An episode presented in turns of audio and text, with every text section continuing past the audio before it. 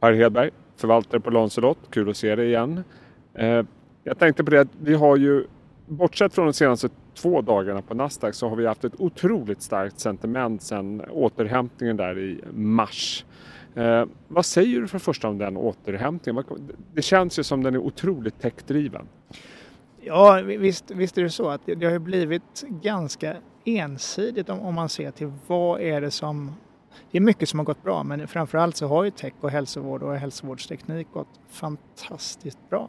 Och det är klart att det har drivit upp att vi har fått en ganska, ja, ganska smal positionering mot de här sektorerna. Och det är klart att så ska det kanske vara när många andra bolag har haft problem med sina vinster så har det ju gått fantastiskt bra för många av de här bolagen. De är, är världsdominanta, de spottar ut cash, de kan göra förvärv och de skapar sin egen lycka. Så det, det är ju ett själv, har ju varit ett självspelande piano och är ett självspelande piano hittills. Och det är klart att då måste man ställa sig frågan vad, vad ska hända härifrån för att vi ska bryta det här? Det är ju klart att vi har sett det, precis som många andra, och vi har också spelat de här aktierna. Det har ju legat i vår grundsyn att har du hittat de här rätta strukturella tillväxttrenderna så har det ju varit att ligg kvar, för det är de som är marknadsdominanter. Det är de som kan med sitt kassaflöde skapa förvärv, skapa tillväxt, skapa ekonomiska vinster som skapar en positiv spiral. Och så har det ju verkligen varit. Men om man tittar då för det som många efterfrågar nu det är ju en, en bredare uppgång. För det är ju fortfarande så att de flesta bolag på S&P 500 är på minus i år. Jag misstänker att den starka vinstutvecklingen vi börjar se kommer från ett relativt fåtal aktörer. Vad säger du om bredden? Ja, det är ju ett, kanske om man ser tillbaka till börsåret i år så, så du, varje år så kommer det vara ett par stora beslut som måste göras. Och ett stort beslut var ju, vågade du köpa tidigt i år och hoppas på att det här kommer tillbaka när vi var ner 35 procent. Och som det ser ut så är det ganska många förvaltare, inklusive oss själva, som vågade köpa, som det har gått ganska bra för, har fått en bra avkastning i år från de nivåerna.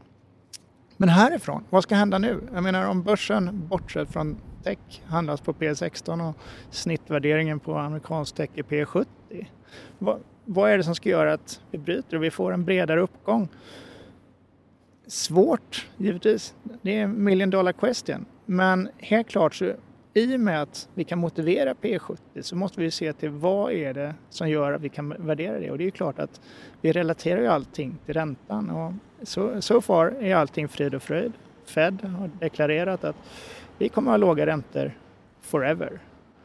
Men om det är så att det tillsammans med alla de här finanspolitiska stimulansen som har kommit, som nu ligger på bordet, faktiskt har gasat för mycket. Då kommer ju det här, samtidigt som vi har en svag dollar i USA, kanske leda till att det finns inflationstendenser i det här systemet som till slut kommer. Det kan ta lång tid, men det kan komma. Och då kommer ju med att Fed har deklarerat att de är beredda att hålla den korta änden på räntan låg väldigt länge, att den långa räntan kanske börjar stiga och fortsätter stiga. Då kommer det vara problem att kanske motivera P70 som att det ska driva börsen vidare. Jag säger inte att de här bolagen att deras affärsmodell är broken eller att du inte ska äga de här bolagen. Men jag tror för att du ska tro på vidare börsuppgång eh, måste du se det i bred front. Och då tycker vi att vad vi har sett nu är att troligtvis i samband med Q2 så såg vi botten på konjunkturen för den här gången. Det är vad marknaden säger till oss. Härifrån kommer det bli bättre. Men i vilken fart och hur, hur långsamt? Det kommer säkert vara en ryckig återhämtning. Men med de stimulanserna som ligger i botten, med utsikterna för att nästa år kommer vara bättre än i år, så kommer du ha tillväxt i systemet härifrån. Så vi har nog sett botten utifrån Eh, kortsiktigt konjunkturperspektiv.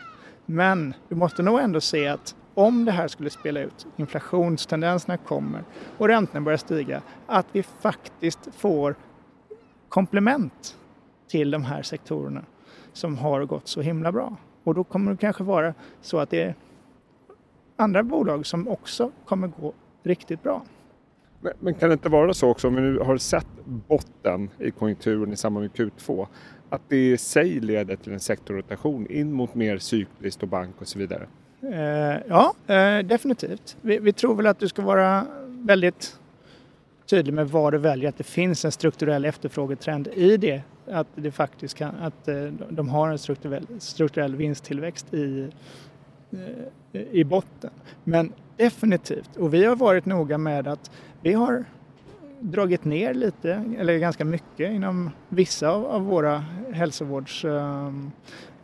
Ehm, um, Roche var till exempel vårt absolut största innehav eh, en lång tid här under, under våren och vi har sålt ner det här med 30 procent kanske i storleksordningen. Det är fortfarande ett av våra långsiktiga, eh, långsiktiga investeringar, självklart, för vi gillar ju våra tillväxt teman, Men vi har kompletterat med att tro att det kommer en breddning. Det finns billiga tillgångar där ute, så vi tror ju att underleverantörer till kanske elektriska bilar kan vara någonting. Så där har vi eh, ökat upp lite i form av Borg Warner som skulle kunna se att om det här är en riktig konjunkturåterhämtning att, att det kommer finnas investeringsbehov även där. Det, och det har inte marknaden riktigt tagit höjd för, för det är väldigt billiga tillgångar och det har kommit att vara ganska bra sedan sommaren, den investeringen.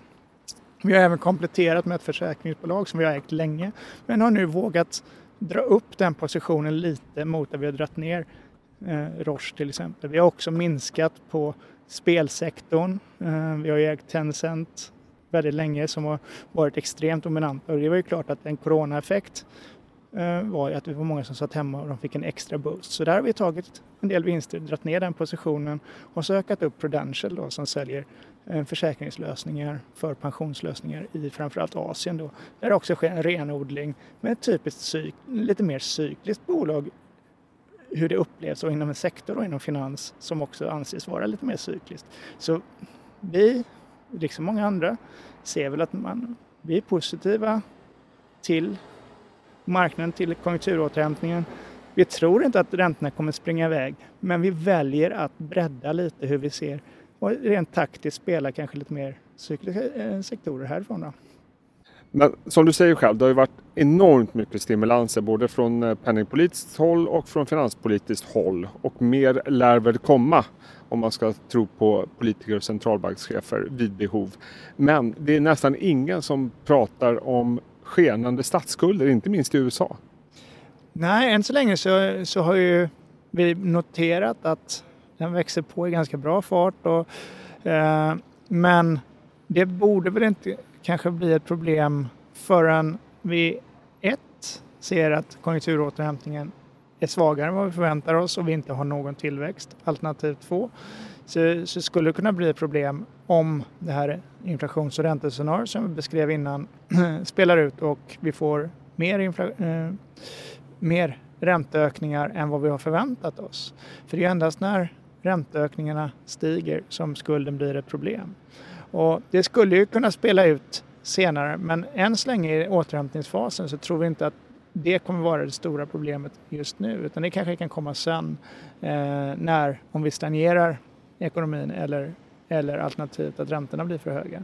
Men just i det här läget så tror vi inte att eh, det kommer spela ut men det är klart att man ska ha ögonen på det för att köra med så många procents budgetunderskott som de har gjort eh, i år det är inte hållbart. Men om man då återgår till den här återhämtningen som du nämnde. Eh, du sa att den kan bli lite ryckig. Eh, marknaden kanske prisar in lite mer V-formation. Samtidigt så har vi ett antal händelser under hösten. Vi har Brexit i, jag vet inte vilken ordning det är. Eh, vi har, tycker jag, eskalerande handelskrig och vi har kanske framförallt ett presidentval i USA där man först nu börjar uppmärksamma vad konsekvenserna ska bli. Hur tänker ni kring detta? Ja, presidentvalet kommer ju, kommer ju vara intressant för det brukar ju vara ganska rörigt i, i samband med val generellt. Än så länge har ju marknaden tagit det med ro och det tror vi har att göra med att än så länge vågar vi inte prisa in att det blir en så kallad clean sweep, att någon tar hem presidentposten, senaten och parlamentet eh, och kommer kunna göra en extremt stor förändring utifrån den politiken som ligger. Utan det kommer vara eh, förhandling fram och tillbaka. Men skulle vi se att eh, det pendlar över och att till exempel Biden blir jättestor favorit, eller Trump blir jättestor favorit, då kommer ingenting hända. Men om Biden skulle bli jättestor favorit och, och gå mot en clean sweep, då skulle vi kunna ändra det här scenariot. Och, och det är klart att det blir väldigt känsligt ju närmare vi kommer om det skulle inträffa. För då skulle vi kunna se en U-turn i att skattesänkningarna som Trump har genomfört ska reverseras. Och det var ju en väldigt stor boost till eh, marknaden när vi gjorde de här skattesänkningarna. Eh, och ska de reverseras i sin helhet så, så rör det sig om eh, 10-15 procent av vinsterna som ska betalas i skatt för bolagen. Eh, och, och, det ska ju prisas in, självklart. Så att det finns en risk att det blir ökad volatilitet om pendeln skulle slå här nu i samband med det här. Så det är en risk som finns. Och likaså, som vi varit inne på innan, att den här breddningen utav att andra sektorer eller alla andra bolag ska, få, eh, ska gå lite bättre.